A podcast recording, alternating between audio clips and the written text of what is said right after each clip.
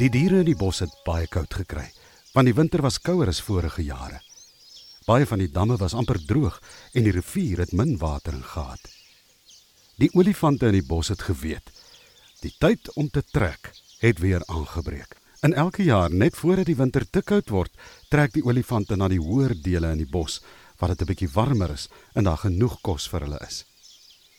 Dit was al laatmiddag toe Olga olifant haar slip hoog in die lug optel en hard trompeter. Al die ander olifante het presies geweet waarom Olga so trompeter. Dit was tyd om te trek en het vinnig almal bymekaar gekom. Olifante, sê Olga olifant. Dit raak nou te koud hier in die bos.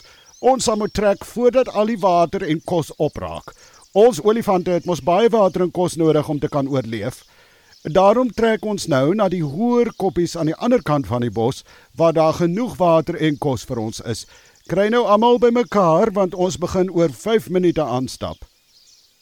Die olifante was eintlik al reg vir die groot trek. Elke olifant het rondgekyk om te sien dat almal op die groot oopte tussen die bome bymekaar kom.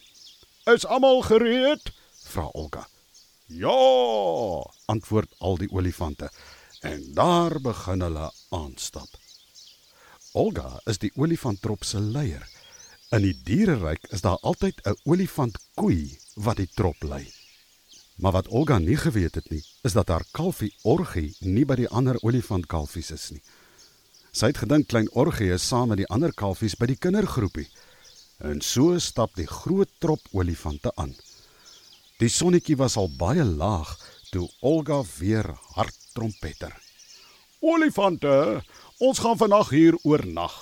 Dit raak nou te donker om verder te stap. Ons is bly almal is hier bymekaar sodat ons veilig kan wees. Môreoggend, wanneer die son sy kop uitsteek, trek ons verder. Al die olifante het in die groep gebly en van die bulle het om die trop wag gestaan om seker te maak dat hulle almal veilig is. Intussen het klein Orgie olifant na sy mamma en pappa begin soek. Hy was lekker aan die speel met klein Rikkie renoster toe die olifante begin trek het. Hy het nie eens geweet hulle trek nie.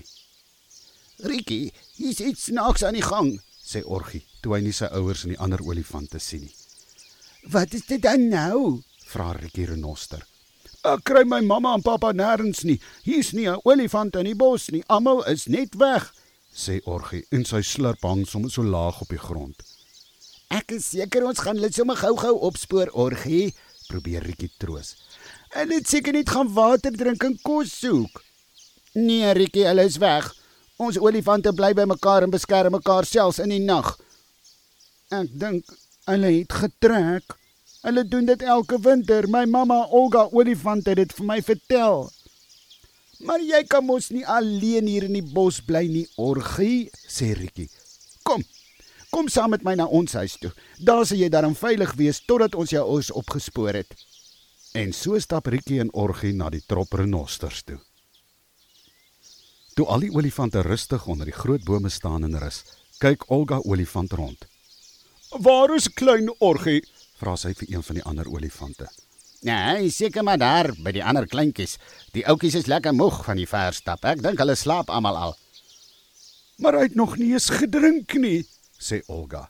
Hy moet baie honger wees. Ag nee, wat? sê die ander olifant. Hy het seker sommer so 'n bietjie aan een van die ander olifant mammas gedrink. As ons so trek, help ons mos maar mekaar met die klein goed. O, oh, dis seker so, sê Olga olifant. Ons moet net seker maak die trop is veilig vannag. Hier is baie roofdiere in die bos in die nag en ek wil nie ons moet vannag seer kry nie. Ons moet môre nog ver stap. En daarmee het Olga olifant nie verder oor klein Orgie bekommer nie. Sy het gedink hy's veilig by die ander olifantkalfies. Maar wat van klein Orgie? Hy was nie tussen die olifante nie. Hy was nog in die bos waar die olifante van hom vergeet het.